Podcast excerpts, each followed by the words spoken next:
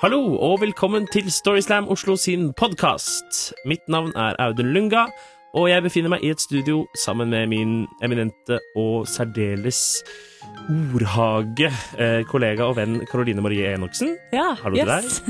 Hei. Det var noen nye ord. Det var noen nye, veldig flatterende ord. Yes, eh, Vi skal høre noen historier som ble fortalt på Storyslam Oslo sitt live arrangement på Kulturhuset i Oslo den 23. januar 2017.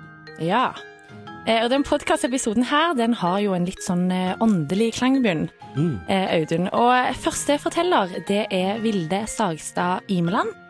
Eh, hvor hun tar oss med på sin første, eh, og jeg vil tro også siste, misjonstur.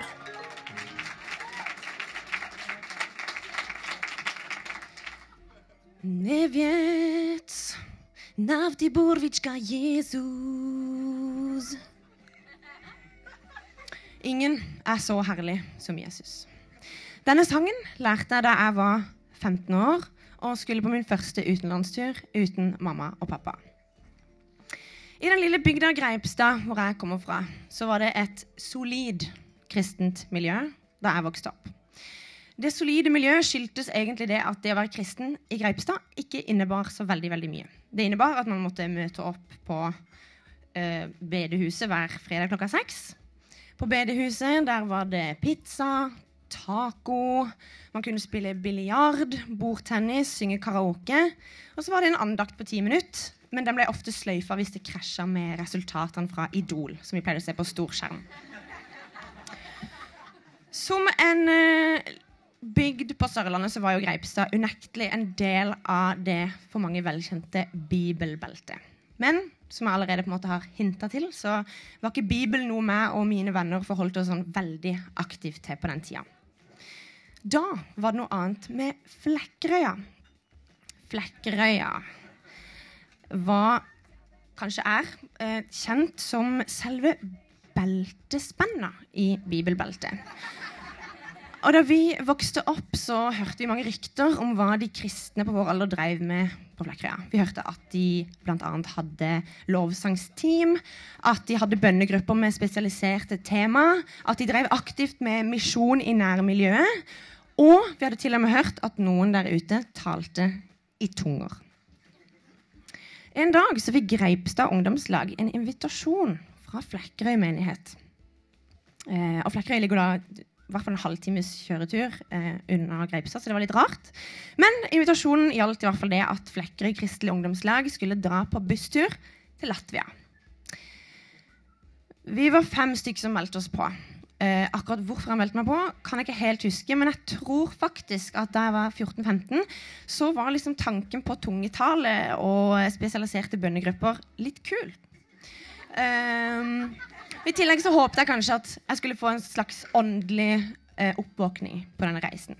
Så første fredag i høstferien møtte vi opp i rundkjøringa på Flekkerøya. Vi hilste på de vi skulle reise sammen med, og så dro vi av gårde, da.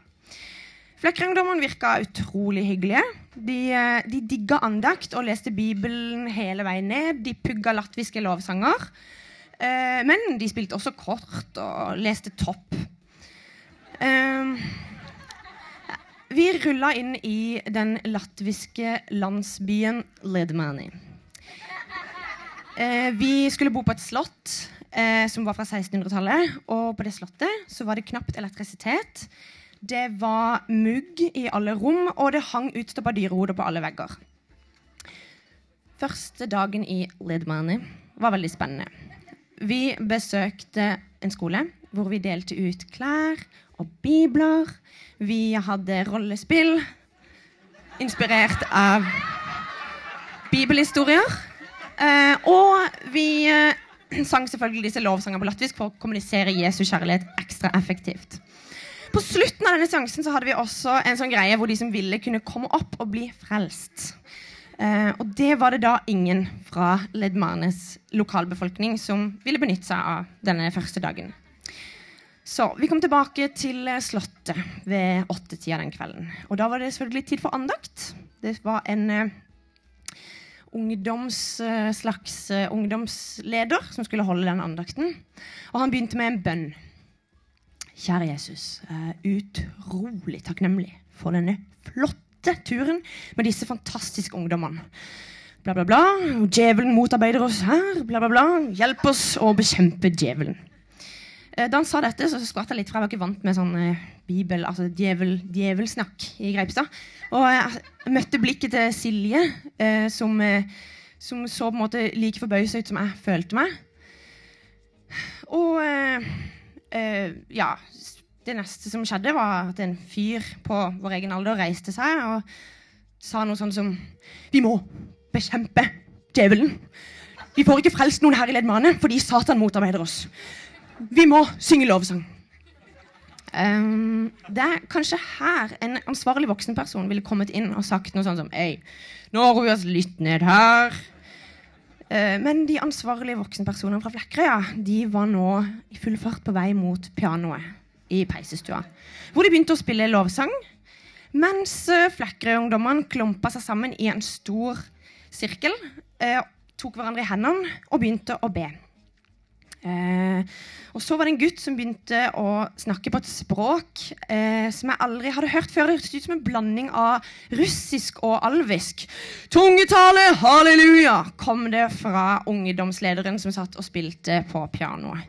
Denne seansen fortsatte i noen minutter før ei jente plutselig falt ned på gulvet og begynte å riste. Ha-ha, djevelen har tatt bolig! Vi må be. Ti-tolv av ungdommene, eh, det var 40 totalt, kasta seg over denne jenta som lå på gulvet. De tok henne på panna, begynte å be. Plutselig kom tre gutter løpende inn. jeg vet ikke hvor de hadde vært, men de ropte i alle fall, Alle sammen! Det står en engel en engel på gesimsen ute! Bli med ut! Det står en engel!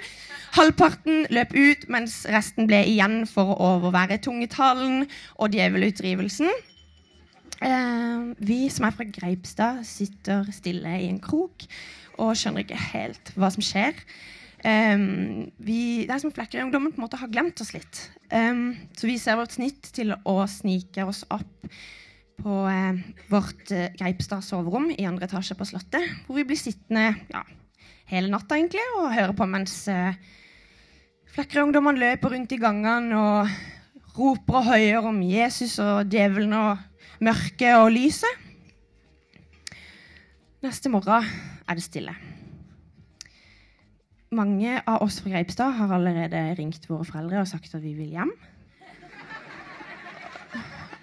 Og eh, når vi til slutt våger oss ned til frokost, så eh, hadde jo ikke drukket alkohol på det tidspunktet, men jeg, i dag kan jeg bare beskrive det som verdens verste hangover.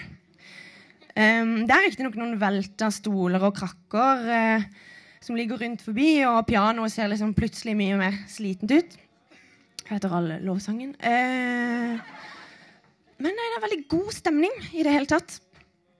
Eh, så vi setter oss ned, og ingen av oss har særlig matlyst. Vi pirker litt i pålegget. Og, og det er da en av guttene, eh, Patrick, kommer bort og prikker meg på ryggen. Og jeg ser opp i eh, hans overraskende fornøyde ansikt. Eh, og eh, hvorpå han sier Ja, ja. Vi vant kampen mot Satan i går, da. Gi meg en high five! Tusen takk. Takk til Vilde.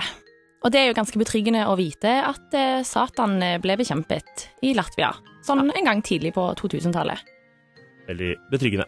Eh, neste forteller er Steinar Olberg, som eh, deler en opplevelse fra sin barndom. Og han snakker om eh, ja, ukas høydepunkt kirkekaffen. Første gang faren min virkelig brøyt fartsgrensa på motorveien, var når eh, moren min skulle føde storebroren min. Jeg skal fortelle om andre og tredje gang. Da jeg var fem år, så var ukas store høydepunkt Det var kirkekaffen. Fordi der serverte de de deiligste sjokoladekaker, de saftigste vafler og av og til is. Det var helt, helt fantastisk. Og jeg ventet lenge, lenge hver eneste dag fram til søndagen og kirkekaffen. Men dessverre så var det en søndag hvor det var eh, noen eh, pietistiske sørlendinger som mener at eh, barns glede er en stor synd, som holdt kirkekaffen. For de serverte mariekjeks. Og mariekjeks, det er en hån mot all annen kjeks. Det er en skam at man kaller det en kjeks. Det er smakløst, det er tørt, det er helt grusomt. Og jeg nektet å spise en eneste en. Vi satte oss i bilen og kjørte hjem fra kirken. Og etter hvert som vi kjørte oppover E6, E6 så merket jeg at frustrasjonen steg i takt med sulten. Og når vi kom hjem og inn i gangen, så nådde det bristepunktet.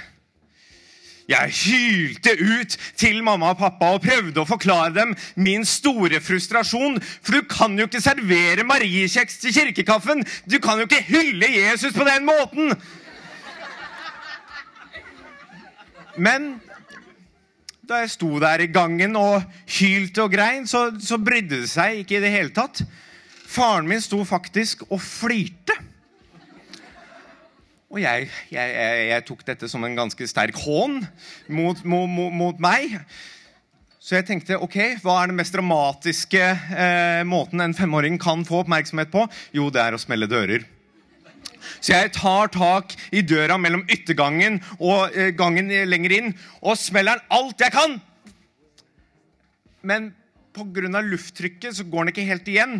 Og jeg får en bare sånn det kommer, det kommer ikke noe ordentlig smell. Og da kan jeg se faren min. Jeg ser faren min gjennom de små, grønne glassrutene på døra. Og der står han og ler. Enda mer enn det han gjorde før.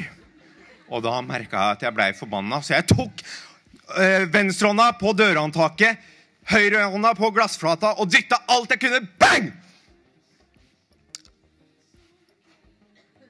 Så tar jeg venstrehånda inn i glassruta og henter ut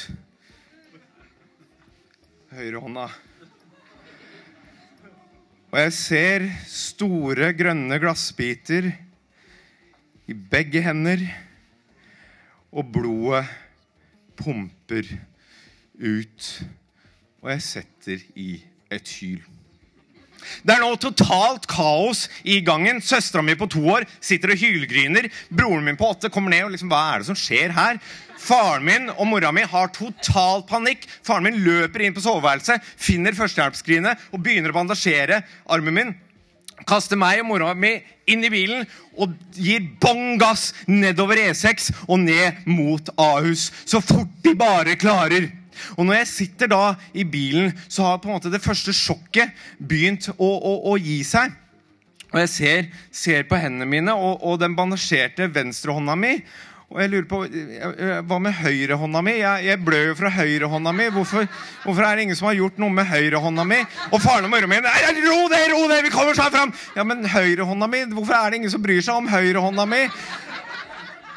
Vi bråstopper foran eh, hovedinngangen på Ahus, løper inn, og jeg blir slengt i, eh, inn i første operasjonssal og ned på eh, en, en, seng.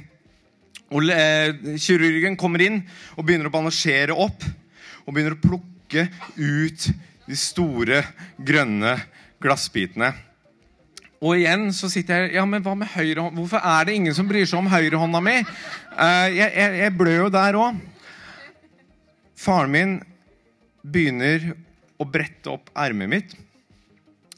Og Jeg, og jeg veit ikke om det var synet av blod eller det at på en måte adrenalinet nå hadde dempet seg. Fordi pupillene hans gikk bak i huet, og han Og ligger nå midt på operasjonsgulvet. Og legen er bare sånn Få denne mannen ut! Og det siste jeg ser før jeg sovner av narkosen, er to sykepleiere som drar faren min etter beina ut av operasjonssalen. Faren min våkner da liggende på gulvet ute i gangen med en sykepleier som holder opp begge beina hans. Så De syr igjen kuttene mine. De bandasjerer begge armene. Og alt er bra. Og Det er på dette tidspunktet at moren min og faren min kommer på at de har en toåring og en åtteåring hjemme eh, med masse blod og glass. Så faren min kaster mora mi og meg nok en gang inn i bilen. Bang gass oppover E6 mot Kløfta. De bråstopper foran huset, smeller opp inngangsdøra. Og der er alt glasset borte. Alt blodet er borte. Søstera mi på to ligger og sover. Og broren min på åtte sitter og ser på TV. Så la det være et råd til alle dere som en gang skal servere en kirkekaffe. Ikke server Mariekjeks. Tusen takk.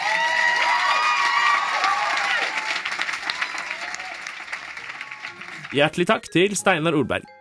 Ja, og så er det jo veldig viktig for oss å si at eh, Steinar sitt syn på Mariekjeks er jo ikke representativt for hele Storyslam Oslo sine følelser Nei. angående det temaet. Absolutt. Så eh, til vår hovedsponsor eh, Marie Kjeks, så vil vi si stå på, kjør på med deres kjedelige, tørre, vanlige kjeks. Vi skal spise de. Mhm. Mhm. Enten vi vil eller ikke. Ja. Neste Storyslam, Audun, det er jo ikke så lenge til. Nei. Det er 20. mars, som vanlig på en mandag, eh, på Kulturhuset i Oslo. Klokkeslett. Klokkeslett klokken åtte. Yep. Ja. Og det gleder vi oss veldig til. Det gjør vi. Uh, og i mellomtiden så kan man følge oss på uh, Instagram og på Facebook. Begge deler. deler. Eller du kan lytte, fortsette å lytte til denne podkasten, som kommer ut med ujevne mellomrom. Absolutt. Og hvis du har lyst til å delta på neste Storyslam, eh, eller en annen fremtidig Storyslam, så kan du også sende oss en mail på e-postadressen. Storyslamoslo at gmail.com. Takk for oss. Takk for oss.